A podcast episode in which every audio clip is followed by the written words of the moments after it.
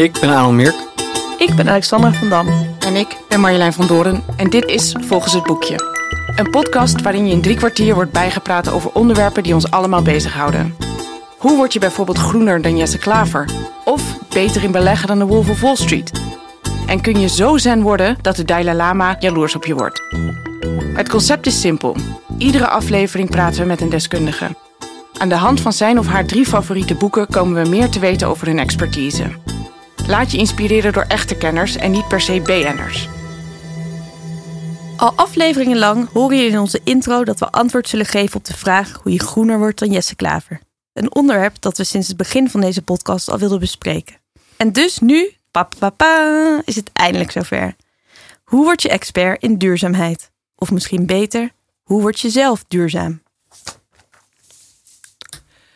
Marieke IJsgoot zet zich in voor een duurzamer leven. Ze is expert op het gebied van duurzame kleding en lifestyle en schreef met die kennis het boek Dit is een goede gids. Een boek dat je vast al een keer hebt zien liggen ergens. Een lijvig boek met tips en trucs voor een duurzamer leven en geen suffe macrobiotische geitenwolle sokkentips. Nee, laagdrempelige, fijne tips die je nog steeds een hippe millennial laten voelen. Je hoort het, een van de redactieleden is al fan. Naast het schrijven is Marieke dagvoorzitter en keynote speaker op vele events. Marieke, leuk dat je er bent. Fijn om er te zijn, dankjewel. Hoe word je dat eigenlijk? Duurzaamheidsexpert? Ja, dat weet ik ook niet hoor. Als je dat allemaal zo zegt, denk ik, gaat het over mij. Dat is heel lief. um, ik ben het geworden door te doen, eigenlijk. Ik heb er niet voor doorgestudeerd, bijvoorbeeld. Ik uh, heb gestudeerd om verhalen-expert te worden eerder. Ik heb film- en televisiewetenschap en theaterwetenschap gestudeerd aan de UvA hier in Amsterdam. Mm -hmm. En tijdens die studie deed ik al veel vrijwilligerswerk. En dat helpt natuurlijk erg om veel te leren en heel veel nieuwe dingen te ontdekken achter eigenlijk ons hele leven, zo gezegd. Dus ik heb um, klassenwerk, scholenwerk gedaan voor Amnesty International bijvoorbeeld. Uh, ik was vrijwilliger bij MATV in het ziekenhuis en ook bij dat GroenLinks van Jesse Klaver, maar dan bij Dwars, bij de jongerenafdeling. Um, en toen ik een klein meisje was, wilde ik graag nieuwslezer worden. Omdat ik mensen wilde vertellen wat er in de wereld gebeurde. Dat ging, is een beetje anders gegaan, maar uiteindelijk heeft dit er natuurlijk ook veel mee te maken. Dus um, toen ik in, uit, uiteindelijk in Hilversum ging werken, omdat ik wel um, die studies heb afgemaakt en in de media ging werken, merkte ik dat dat eigenlijk niet was wat ik wilde doen. En dat ik veel meer aan de slag wilde met datgene wat ik tijdens dat vrijwilligerswerk ook deed. Namelijk alles wat ik heb gekregen toen ik hier werd geboren, inzetten om die balans wat eerlijker te maken. Want toen ik hier werd geboren, kreeg ik natuurlijk gratis uh, van alles en nog wat. Mensenrechten, vrouwenrechten, goede economie, dat soort dingen heb ik niks voor gedaan. En ik ben me altijd wel bewust geweest van het feit dat ik dan datgene wat ik allemaal heb gekregen ook moet gebruiken. Om er voor andere mensen ook voor te zorgen dat dat dichterbij komt. Toen heb ik mijn baan opgezegd en ben ik bij de Schone Klerencampagne gaan werken. Voor betere arbeidsomstandigheden in de wereldwijde kledingindustrie. Heb ik bijna tien jaar gewerkt. En zo is het begonnen eigenlijk. Daar heb ik bijna alles geleerd wat ik weet. Leuk. Ja. Begon met plichtsbesef eigenlijk. Um, ja, plichtsbesef eigenlijk meer vanuit een, uh, een, een motivatie dat je het ook echt kan. Dat voelt veel leuker. Ik vind plichtsbesef niet een heel leuk woord. Misschien jij wel hoor. Misschien heb je er een hele goede associatie bij. Ik, dat voelt voor mij meer als een moetje. Het voelt voor mij als een magje. Oké, okay, ja, dat, dat, dat, dacht ik even te proeven toen je zei... ik heb het allemaal cadeau gekregen, ja. dus dan moet ik ook... Dat voelt alsof ja, dat, je het, ja, bijna verplicht bent aan alle kansen die je kreeg? Of ja. ben ik nu iets aan het zoeken wat er niet is? Ik denk dat je het net iets te scherp stelt wat dat betreft. Het is zeker wel iets waarvan ik voel dat ik dat. Um, dat ik het mag en kan doen. Dus ook. En omdat ik het kan, moet ik het ook doen. dus dat, zo kom je er uiteindelijk wel. Maar ik heb niet het gevoel dat ik dat, ik dat verplicht ben. Um, wel aan mezelf misschien. Je vindt het vooral heel ja. leuk. Dus ik vind het heel leuk. En het is natuurlijk, nou ja, ik bedoel, kan het beter? Dat je kunt, kunt proberen uh, iets goeds te doen. En toch tegelijkertijd die balans te vinden met het goed hebben. Wat ik ook aan anderen wil laten zien. Uh, ja, en zeker in deze tijd. Hè, ja. Van klimaatcrisis en zo. Uh, is het natuurlijk, ja, ik bedoel, alles wat we kunnen doen, moeten we. Ja, alles wat we kunnen doen, moeten we gewoon doen. Tuurlijk. Dat is een mooie intro, denk ik. Um, laten we het over uh, boeken gaan hebben. Heel leuk. Jij hebt het ook, uh, jij, ook jij hebt drie boeken meegenomen. Ja. Uh, het eerste boek dat je hebt meegenomen is het handboek van een astronaut hoe te leven op aarde. In het Engels is dat An Astronaut's Guide to Life on Earth. In beide gevallen een flinke mond vol. Ehm, waarin de Canadees Chris Hadfield uh, zijn verhaal vertelt. Hij reisde als astronaut drie keer naar de ruimte. En in dit boek beschrijft hij hoe hij astronaut werd, welke inspanning het kostte om daar te komen. En daarnaast geeft hij tussen de regels door tips over hoe je, je, hoe je het leven op aarde zinvol en relevant kunt maken hoe je gelukkig kunt worden eigenlijk. Het boek leest echt als een avonturenroman, vond ik. Echt superleuk. Van de spanning van de lancering tot de stress tijdens de landing. En van de ongemakken van zwaartekracht daarna. Maar eigenlijk ook over alle over het harde werken van een astronaut. Wat ik ook echt heel erg interessant vond. Um, hoe heeft dit boekje beïnvloed? Op zoveel manieren. Uh, toen ik nog kleiner was dan dat ik dacht dat ik nieuwslezer wilde worden, wilde Marieke een astronautje worden. Stiekem wil ze dat nog steeds. Eigenlijk. Wie niet eigenlijk. Wie niet? Um, en dus zijn we allemaal astronaut op aarde uh, natuurlijk. En er zijn twee dingen eigenlijk die ik heel bijzonder vind aan het boek van Chris. Natuurlijk heeft hij ook last van, of eigenlijk heel veel voordeel van, het overzichtseffect. Dat is hetgene wat veel astronauten teruggeven als ze terugkomen. Je hebt de aarde van buiten gezien en je hebt gezien hoe kwetsbaar en hoe uniek ook dat eigenlijk is. En dat we beschermd worden door een heel dun atmosfeertje en dat het prachtig is. En het is, ik probeer het nu na te vertellen, maar ik heb het zelf nooit gezien. En zij geven ook aan dat je het eigenlijk niet kunt weten als je het niet ontdekt hebt. Um, maar dat is natuurlijk, hè, we, we kennen allemaal Wubbo Okkels en veel astronauten zetten zich in voor nat, nat, natuurbehoud of iets met milieu of uh, als ze terugkomen. Dus dat heeft hij ook zeker. Hij, uh, hij uh, eert de aarde zeer en probeert ook het leven zo in te vullen dat hij, dat hij er zoveel mogelijk uithaalt, ja. zo gezegd. Dat is natuurlijk zeker iets wat mijn werk beïnvloed heeft. Maar ik las dit boek toen ik dit werk al deed. Dus dat, eh, dat is iets wat, wat ik mooi vind.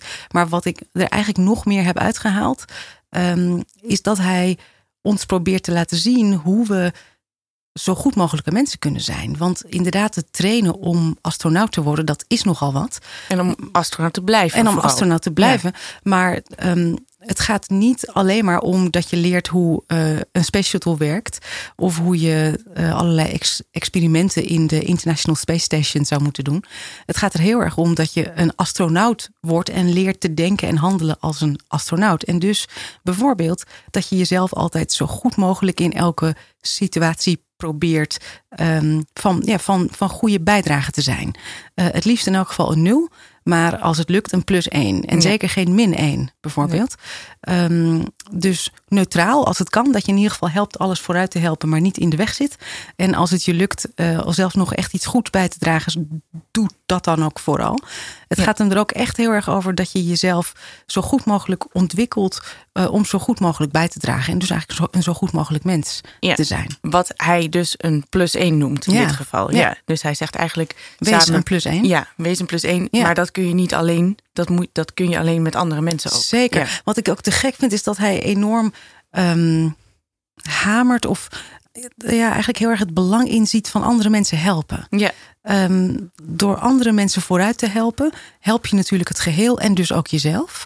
En het is niet zo dat als je een ander helpt succes te hebben, dat jij dan minder succes hebt. Het straalt juist nee. heel erg op je af. Precies. En, en ik denk het... juist omdat hij dat in die situaties, in die beperkte situaties, die hele kleine situaties binnen dat ISS kan omschrijven, hoe dat dan werkt, hoe zo'n team beter wordt door het doel te dienen, dat hij daar zijn punt wel echt het beste mee maakt. Ook. Ja, en zeker ook in de training bijvoorbeeld. Ze moeten ongelooflijk zware trainingen in bergen en in afschuwelijke landschappen en ze hebben elkaar ongelooflijk nodig. Uh, een beetje een soort van micro-overleven op aarde. Maar wij hebben het natuurlijk allemaal heel heerlijk. Dus wij maken dat niet zo mee. Maar veel andere mensen op de wereld natuurlijk wel. Die hebben dagelijks enorm veel uh, hobbels om overheen te komen. Dus zij moeten dat in hun teams doen. En ja, het is echt heel prachtig, denk ik, hoe hij laat zien hoe je bijvoorbeeld ook een plus één bent door het gewoon te doen en niet door erover te praten. Hij, hij vindt het woord humble ook heel belangrijk. Daar, dat gebruikt hij vaak. Want hij, uh, hij legt ook heel duidelijk uit hoe, als je er voornamelijk over praat wat je allemaal kan, in plaats van dat gewoon heel rustig laat zien en anderen daarmee helpt, hoe dat juist de sfeer bijvoorbeeld veel meer tegen kan zitten. Dat vind ik ook heel interessant, dat het bij hem echt heel erg gaat om het daadwerkelijke helpen en het daadwerkelijke doen en niet het, uh, het erover opscheppen. Ja. Bijvoorbeeld, vond ik ook heel interessant om dat onderscheid te lezen. Dat je zelfs een beetje een min 1 wordt door, door zo te doen.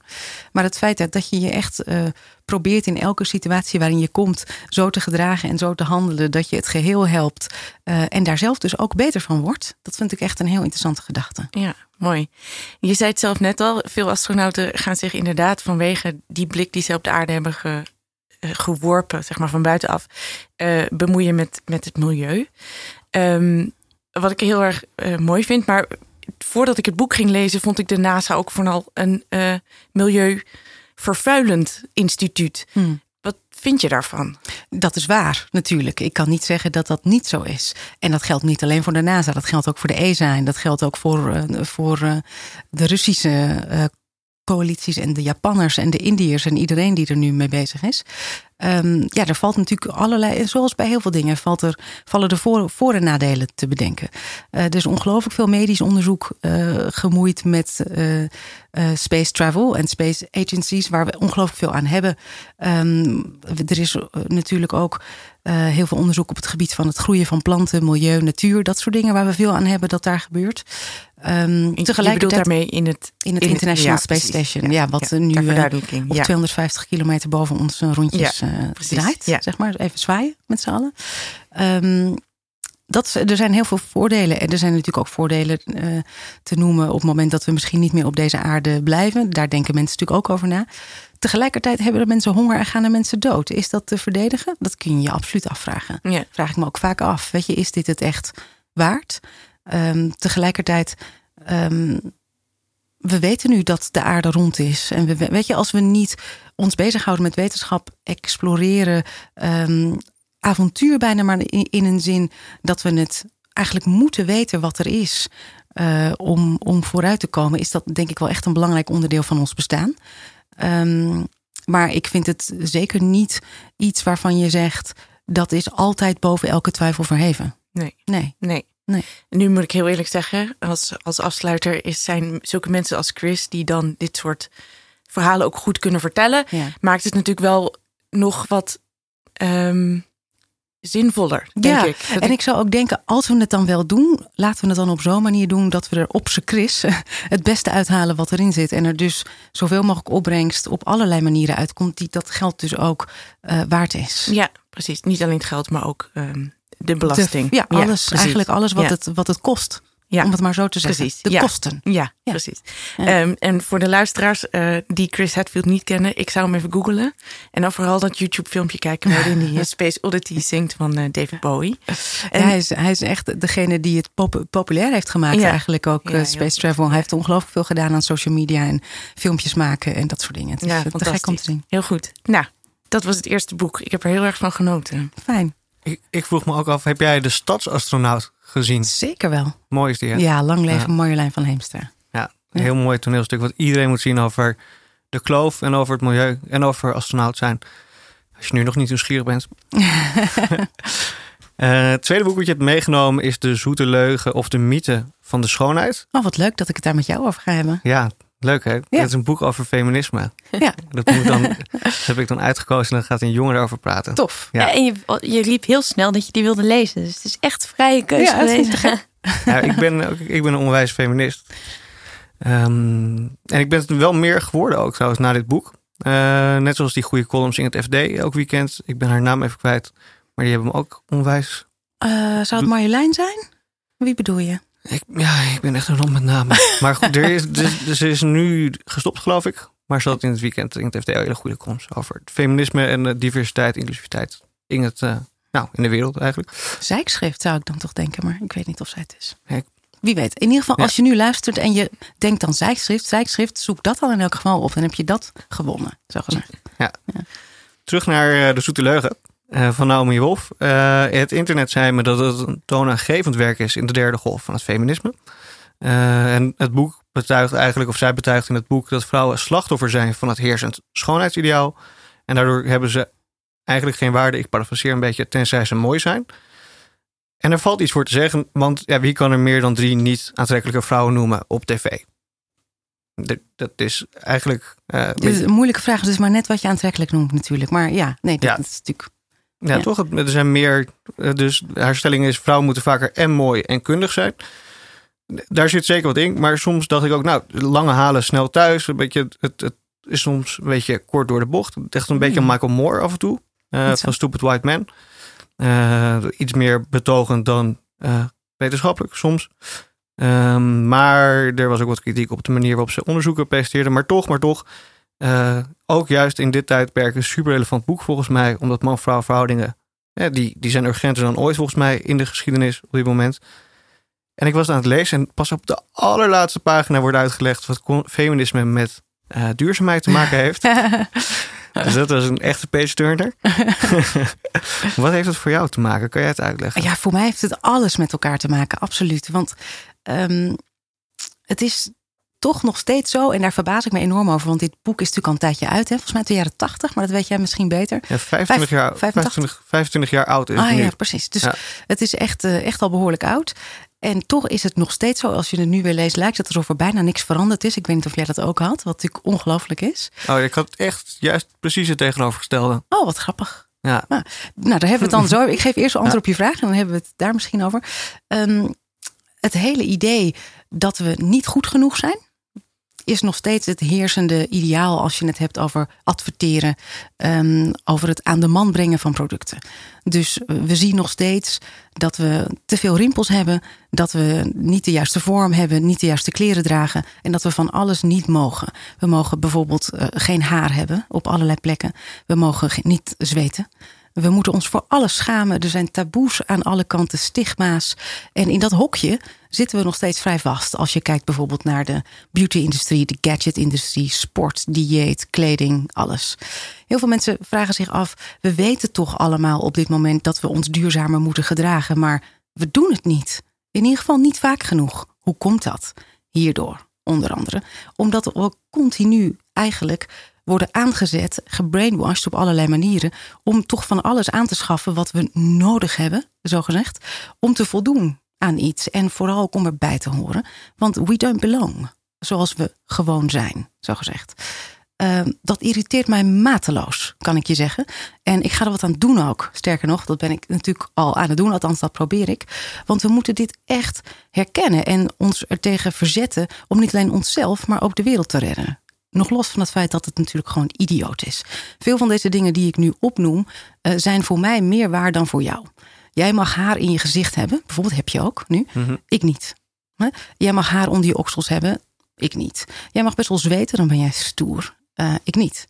Um, rimpels zijn voor jou een veel minder groot probleem dan voor mij. En om allerlei producten te kopen, om daarvan af te komen, die dingen die ik, niet allemaal, die ik allemaal niet mag, moet ik ook nog meer betalen. Dat heet de pink tax. Uh, vrouwen worden meer geacht er op een bepaalde manier uit te zien. Uh, en kunnen dus ook gewoon wel meer voor betalen, want ze kopen het toch wel. Um, nou, zo kan ik nog wel een tijdje doorgaan. Maar dit is in feite voor mij de verbindenis tussen. Um, eigenlijk het, het, het hele body image, het, het, alles wat te maken heeft met de druk op hoe we eruit zien. Mm-hmm. Um, en ja, hoe het hele idee dat je er goed uit moet zien, het heel moeilijk maakt om goed te doen. Ja, ja en ik, ik, ik las dat en toen dacht ik, dit lijkt me precies hoe de wereld er 25 jaar geleden uitzag. En dat is voor, voor een heel groot deel denk ik nog steeds het geval. Maar toen dacht ik aan Angela Merkel. Mm-hmm. Die bewees dat je ook als vrouw die uh, ja, zich meer mannelijk kleedt, hè, uh, pakken draagt, en minder bekend staat als beauty queen uh, en toch de machtigste vrouw van de wereld of van, van Europa is. Daar dacht ik aan. En ja. ik dacht eraan en ik, dat het misschien uh, ook, en misschien heeft dat heel erg te maken met de bubbel waar ik in zit. Maar ik, wat ik me kan voorstellen is dat heel veel mannen die nu opgroeien, en misschien is dat vroeger ook zo geweest, ook het idee hadden dat ze mooi moesten zijn, bepaalde verwachtingen Ja. moeten voldoen. En als je. eh, dus ik vraag me ook af, misschien weet je, ja, misschien weet, hem, weet jij dat, heb je er ook een idee bij? Is het een probleem wat alleen vrouwen hebben? Of is het, Helemaal niet. Nee, helemaal niet. Ik ben het met dat laatste zeer met je eens. In de zin van dat het nu ook zeker is dat je metroman, dat was een tijdje geleden de term, Mhm. eh, moet zijn. Dat er nu meer druk is ook om bijvoorbeeld eh, allerlei haar te scheren, dat soort dingen. Dus jullie komen op. Absoluut. En ik zou zeker eh, met ons meedoen wat dit betreft. Tegelijkertijd is er nog steeds wel een vrij groot verschil ook tussen. Er is een, een denk ik twee stromingen tegelijkertijd aan de hand. Uh, dat er nu natuurlijk ook een business case wordt gezien in de mannen. Dus welkom. zou ik zeggen, in, deze, in deze fijne omgeving. Uh, dit raakt jullie natuurlijk nu zeker en ik denk ook meer dan ooit. Tegelijkertijd hebben jullie natuurlijk ook wel um, nog steeds een soort van stoere man mogelijkheid, waardoor je je daar eigenlijk niet heel erg veel van hoeft aan te trekken. Die hebben wij niet. Dan zijn wij direct, um, nou ja, laten we zeggen, lelijk of uh, onverzorgd. Of weet je dat? Dus die, die ontsnappingsmogelijkheid is er voor ons een stuk minder.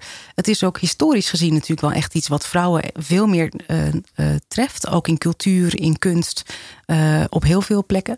In religie.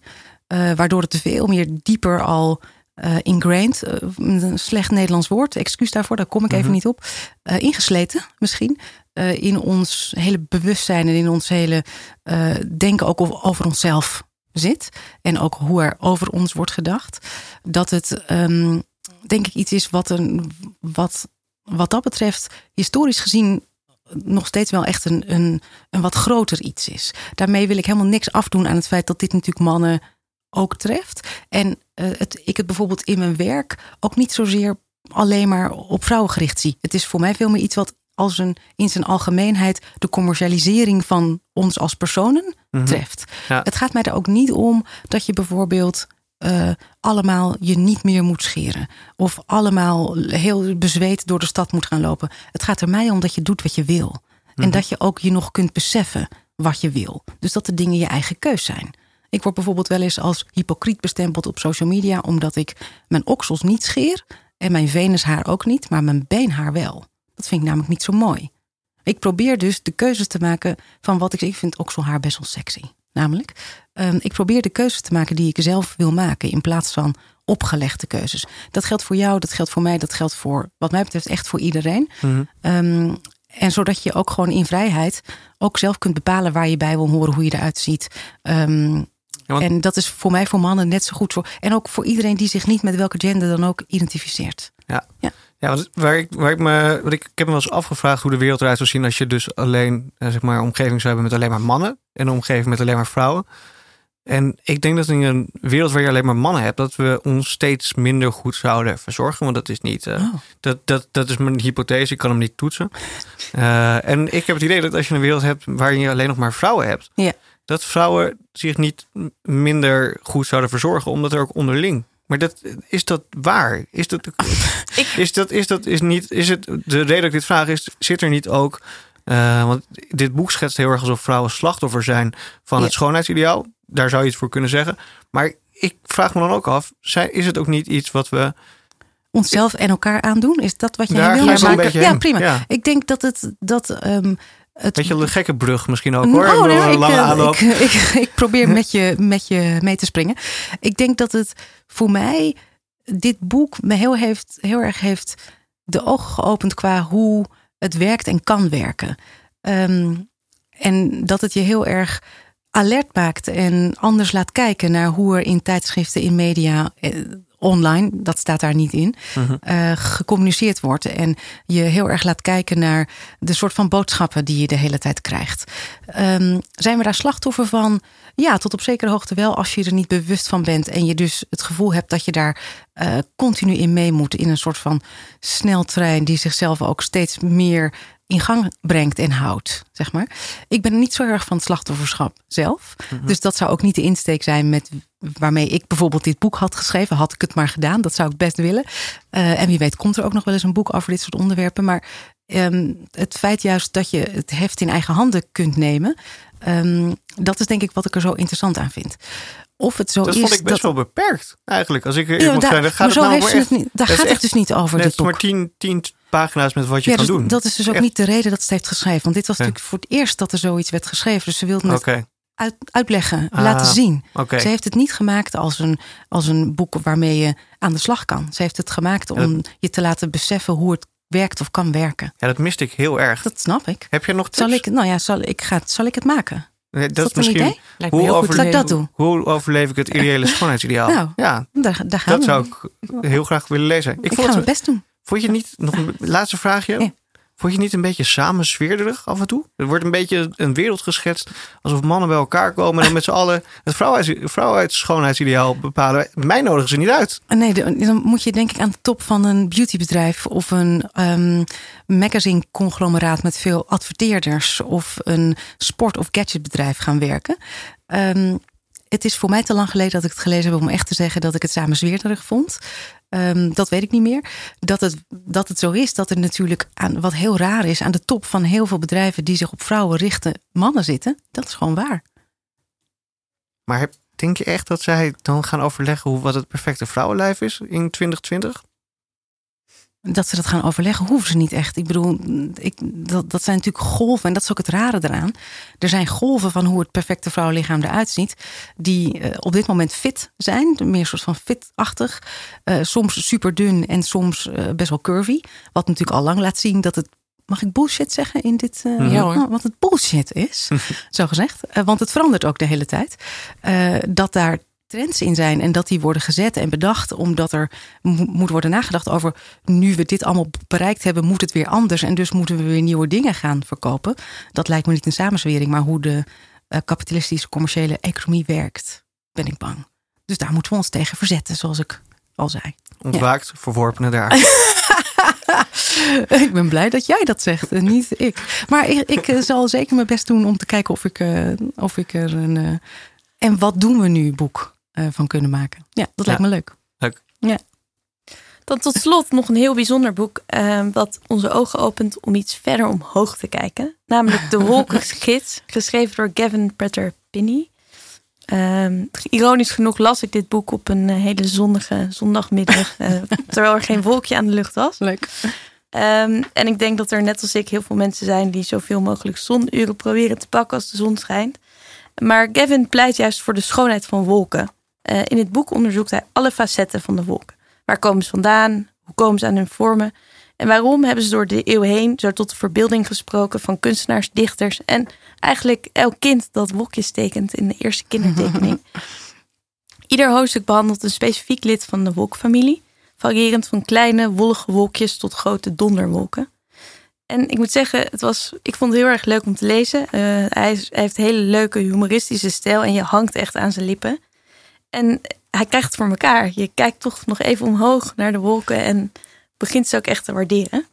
Uh, hij ontving dan ook voor zijn boek zowel in Engeland als in de, Nederlandse vertaling hele lovende recensies. Um, de Economist noemde het een wolkeloze zonnelucht lijkt, lijkt opeens saai. Um, en de Daily Telegraph schreef dat je dit boek zowel geamuseerd als beter geïnformeerd dichtslaat. Vol nieuw opgedane kennis.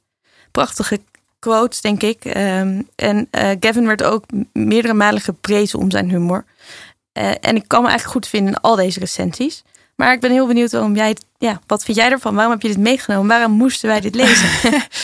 ja, de Britten hè, ook met hun humor, ja. toch? Het is ja. heerlijk. Ja, echt, echt bijzonder. Ik uh, luister en, en lees het graag. Um, ik hou heel erg van ik wou zeggen de hemel. Dat klinkt ineens echt heel religieus. Er belden bij mij vandaag nog mensen aan die me wilden vertellen over de Bijbel en zo. Dan heb ik toch maar even aangegeven dat, ze, dat ik het echt waardeer dat ze een betere wereld willen, maar dat ik dat op een andere manier uh, probeer te doen, zo gezegd. Misschien dat je dit antwoord moet ja. geven. ik had ze deze gids moeten geven. Um, ik um, ben eigenlijk altijd gefascineerd geweest door wolken. Ik vind naar de hemel kijken en dus eigenlijk een soort van continu kunstwerk boven ons hoofd hebben hangen. Zo magisch. Het zal ook wel iets te maken hebben misschien met het feit dat ik er dus naartoe wilde vliegen, zo gezegd. Maar dat we daar niet gewoon eigenlijk de hele tijd naar kijken, vind ik echt ongekend. Want het is altijd mooi en het is altijd interessant. En het, het, het is altijd veranderlijk. En het beïnvloedt ons natuurlijk enorm ook. Zowel in hoe we ons voelen als in uh, ja, wat we kunnen doen. Of uh, hoe het met uh, het, het, het verbouwen van eten gaat. Nou, allerlei van dat soort zaken. Zet ook nog eens een ongelooflijke invloed op ons leven. Um, en we doen maar net alsof het de gewoonste zaak van de wereld is. En dat moet ook wel. Je kan natuurlijk niet constant denken: oh jeetje, de wolken. Maar we zouden er misschien best wel wat meer naar kunnen kijken. Um, en misschien ook inderdaad iets meer af kunnen van het worshipen van van een strak blauwe hemel. Want ja, dat is natuurlijk eigenlijk echt boring as. Dat is, dat is gewoon zo. Ja. Dit boek gaat voor mij eigenlijk meer om op een andere manier kijken en zien wat er, wat er is, zo gezegd. Ja. Nou, Gavin die heeft zelfs een eh, Cloud Appreciation Society opgericht. Ah, lid, op- lid, eh, lidnummer, ik geloof 3822 Ben of zoiets dergelijks. Ja, zeer zeker. Ja, ik zag het. Ik vond het grappig, want er zijn dus duizenden leden en het zit in, uit meer dan 30 landen. Ehm, en, Nederland, rap hier. Ja, hallo. maar ik vond het wel grappig, want hij heeft het over een trend. En hij heeft het dan vooral over Groot-Brittannië. Ehm, dat er hele televisieprogramma's zijn eh, die over wolken gaan. En dat is eigenlijk iets wat ik in Nederland niet echt herken. Ik heb niet het idee dat wij grote wolkenliefhebbers zijn, fanclubs hebben. Oh, dus eh, dat, dat moet ik nu ook nog gaan. Of, Ik ga met een hele lijst. ja, even eens allemaal huiswerk krijg ik nu. Ehm, en eigenlijk als ik zelf naar de wolk kijk, dan vind ik het vaak... Ze hebben iets heel onwispelturigs. Iets heel eh, ja, onvoorstelbaar. Of onvoorspelbaars. Allebei wel. hè? Allebei, ja. Onvoorstelbaar dat het boven je hoofd hangt. Ja. Ehm, dus ik weet nog niet zozeer of ik nog... Nou ja, of ik me zou aanmelden voor zijn fanclub. Maar ehm, jij bent duidelijk heel erg enthousiast. Eh, dus vind jij dus... Jij vindt eigenlijk dus ook... We moeten met z'n allen meer waardering hebben. En meer kijken naar de wolken. ja, naar de wolken en naar alles wat er is. Als Ja. wolken niet je ding is, eh, kijk dan naar iets anders wat er is. We maken veel verre reizen eh, over de hele wereld om van alles te bekijken. En natuurlijk doe dat ook. Hè? Niet te vaak, het liefst. Eh, en ook als je er het liefst ook nog iets anders positiefs gaat doen. Ehm, maar er is hier ook zoveel fantastisch. De wolken hier zijn mooier dan op veel andere plekken, bijvoorbeeld. We hebben fantastische wolken in Nederland. Er zijn veel schilders groot mee geworden. Ehm, we hebben natuurlijk ook hele mooie natuur. We hebben er vrij weinig van in Nederland, maar we hebben het wel. En we hebben ook echt een, een fantastische hemel. Waar we heel erg mazzel dat het hier niet heel vaak, maar best wel eens regent. Mensen denken dat het hier altijd regent. Het is 96% van de tijd droog in Nederland. Maar dat terzijde. Valt altijd op het verkeerde moment. We natuurlijk. graag. Ja.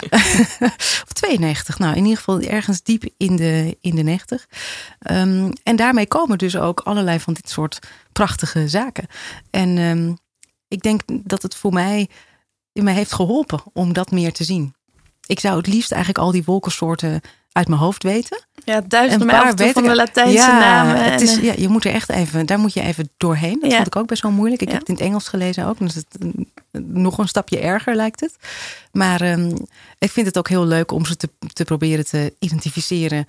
Ehm, dat is helemaal natuurlijk, zover hoef je helemaal niet te gaan. Als je gewoon alleen maar eens zo nu en dan om je heen kijkt. In plaats van, moet ik natuurlijk heel ehm domineesachtig zeggen, op je scherm. Ja, het is wel echt, vond ik, als je dit leest, er zitten ook heel veel plaatjes bij. En hij la- laat je dus ook echt eh, zien wat dan. En, dan heb je zo'n wolkje wat een beetje zo schaapachtig is. En dan laat hij allerlei figuren inzien en zo, wat echt fascinerend is. Is als je dan kijkt, denk je, oh ja, Ja. oh ja, het is er echt. Ja, maar hoe ongelooflijk is het dat, dat er ook zo'n hele doom boven ons hoofd hangt. Met een atmosfeer die ons beschermt. En met daarbinnen allerlei van dit soort natuurverschijnselen. Waarvan alles achter zit wat je helemaal niet weet. En wat er gebeurt met waterdampen en, en, en butterfly effect. En er zijn ongelooflijk veel dingen aan de hand boven je hoofd. En dat, dat, dat draait zich zeg maar zo om je heen. En glijdt langs je heen als een soort van fantastisch schouwspel. Nou, ik vind het echt fantastisch. Het is magisch.